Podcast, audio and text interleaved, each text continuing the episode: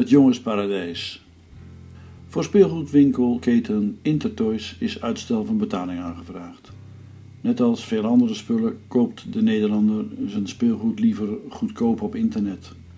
De kans lijkt dan ook groot dat de winkels uit Zaandam, Koog, Wormerveer en Krommenie zullen verdwijnen. Een ramp voor alle betrokkenen, maar vooral voor alle kinderen die bij voorbaat worden beroofd van hun toekomstige herinneringen aan het paradijs. Want wat is er mooier dan dromen voor de etalage van een speelgoedwinkel? Er moeten nog afdrukken van mijn neus te vinden zijn op de spiegelruit van de winkel van Vet aan de AF de Saffen in Lomanstraat 5 in Zandam. Volgens Google Maps is daar momenteel een telefoonwinkel gevestigd, maar die gaan en komen sneller dan luchtballonnen van politici en kan dus heel goed alweer verdwenen zijn. De herinneringen aan dat adres zullen niet zo snel vervagen.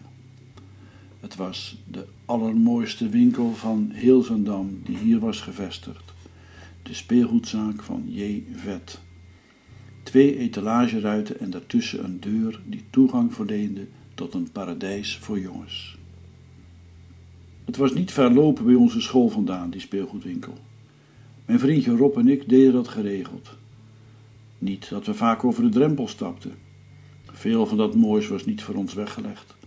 Daarom drukten we onze neuzen maar plat tegen die etalageruiten. Daarachter stonden uitgestald doosjes met dinky toys, tinnen soldaatjes, plastic cowboytjes en indiaantjes, plastic Romeinse soldaten, Disney-figuurtjes, Kwik, Kwek en Kwak, Oom Donald, kapitein Haak uit het verhaal van Peter Pan, compleet met degen, de grote boze wolf. Tommy's, modellen van Britse soldaten uit de Tweede Wereldoorlog, waarvan de originele ons nog geen tien jaar eerder hadden bevrijd van de moffen. En het mooiste van alles, maar schrijnend duur, een modellocomotief van het merk Merklin, die daar gerangeerd stond op een minuscuul stukje treinrails.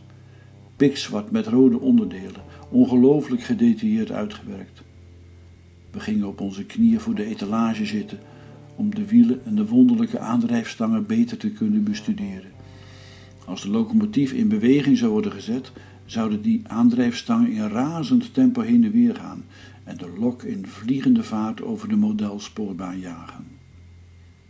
Ik hoefde er niet eens aan te denken om thuis om die locomotief te gaan zeuren. Er hing het ongelooflijke prijskaartje van 29 gulden aan. Er had net zo goed duizend gulden kunnen staan. Mijn vader zou er sowieso recht in mijn gezicht uitlachen. En wat had je nou aan een locomotief alleen? Achter een lok hoorde een tender waarin de steenkool zat waarmee de locomotief werd gestookt. Daarachter hoorden minstens twee passagierswagons. En natuurlijk kon zo'n trein niet rijden zonder een flink aantal rails. Waar in ons huis zou dat complex trouwens een plek moeten vinden? Rob en ik hadden die elektrische trein trouwens helemaal niet nodig. Met de middelen die ons ter beschikking stonden, bouwden we onze eigen speelgoedwereld. We tekenden soldaten, plakten die op hardboord, heel soms op triplex als we een stukje konden vinden, en zaagden ze vervolgens uit.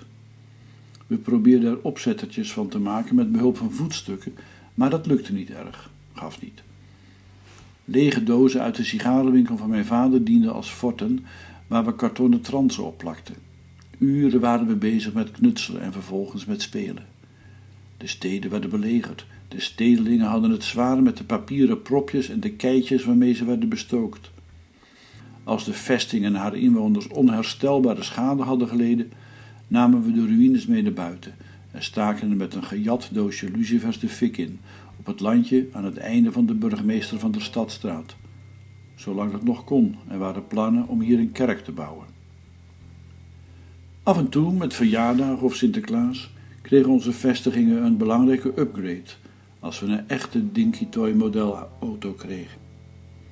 Daarnaast deden plastic cowboys en indianen hun intrede. Die maalden er niet om om een moderne Citroën Traction Avant of een houwitser uit de Tweede Wereldoorlog te belagen. We lieten middeleeuwse kruisridders vechten tegen brandweerauto's en heftrucks en indianen hun pijlen en boog laten richten op een Bedford legertruck. Zakgeld was iets wat we niet kenden. Pas toen ik naar de middelbare school ging, kreeg ik een paar kwartjes van mijn vader om in de schoolpauzes een eierkoek te kopen. Maar soms hadden we toch genoeg geld bij elkaar gespaard om in de winkel van vet te kunnen besteden. We grabbelden er in de doos met Disney-figuurtjes of hielden die schitterende Centurion-tank vast. Af en toe keken we nog naar die peperdure Merklin-trein, die nog altijd in de etalage stond te pronken.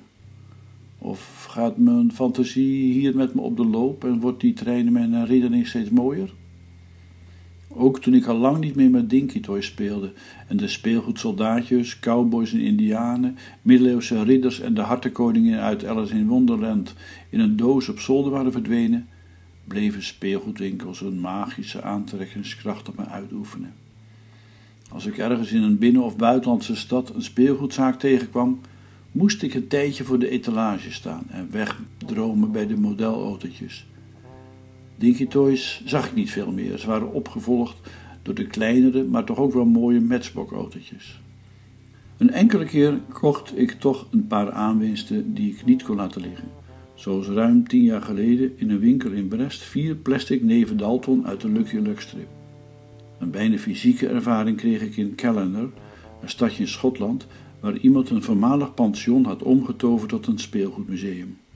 Het pand, niet veel groter dan een gewoon woonhuis, was volgestouwd met vitrines, kasten en schappen vol met speelgoed. Precies die prachtstukken die ik zelf had of kende uit de winkel van vet aan de Savenin Lomelstraat. Ik voelde een diepe ontroering en veegde een traan uit mijn ogen. Het is niet de bedoeling dat je hier huilt, maar dat je gelukkig wordt, zei de directeur, tevens gids en kaartjesverkoper tegen me. Natuurlijk stond er ook een uitgebreide modelspoorbaan. Of het nu een van Merklin was of van een concurrerend merk als Trix of Fleischmann, weet ik niet meer. Ik had er trouwens niet zoveel belangstelling meer voor. Dat was de schuld van Leo Kouwenhoven. Ik denk tenminste dat ik voor het eerst oog in oog stond met een Merkling modelbaan op de zolder bij Leo aan de Willem Brinkmanstraat in Zandam. Leo, een klasgenoot op de dominee Lindeboomschool, drukte op een knopje en daar ging hij. Een locomotief, daarachter een tender en een paar passagierswagons. Als de trein een spoorwegovergang naderde, klapte de spoorboom in een razend tempo naar beneden en daarna weer omhoog. Leo liet de trein stilhouden bij het station en daarna achteruitrijden over hetzelfde traject. Er stonden prachtige, net echte bomen langs de rails en er waren plannen voor bergen en extra wissels om de trein dus een andere route te laten nemen. Op de perrons stonden mensen te wachten. Naast het spoor lag een vijvertje.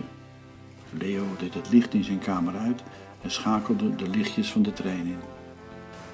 Het was een wonder. Ademloos keek ik naar het heen en weer scheurende spoortreintje.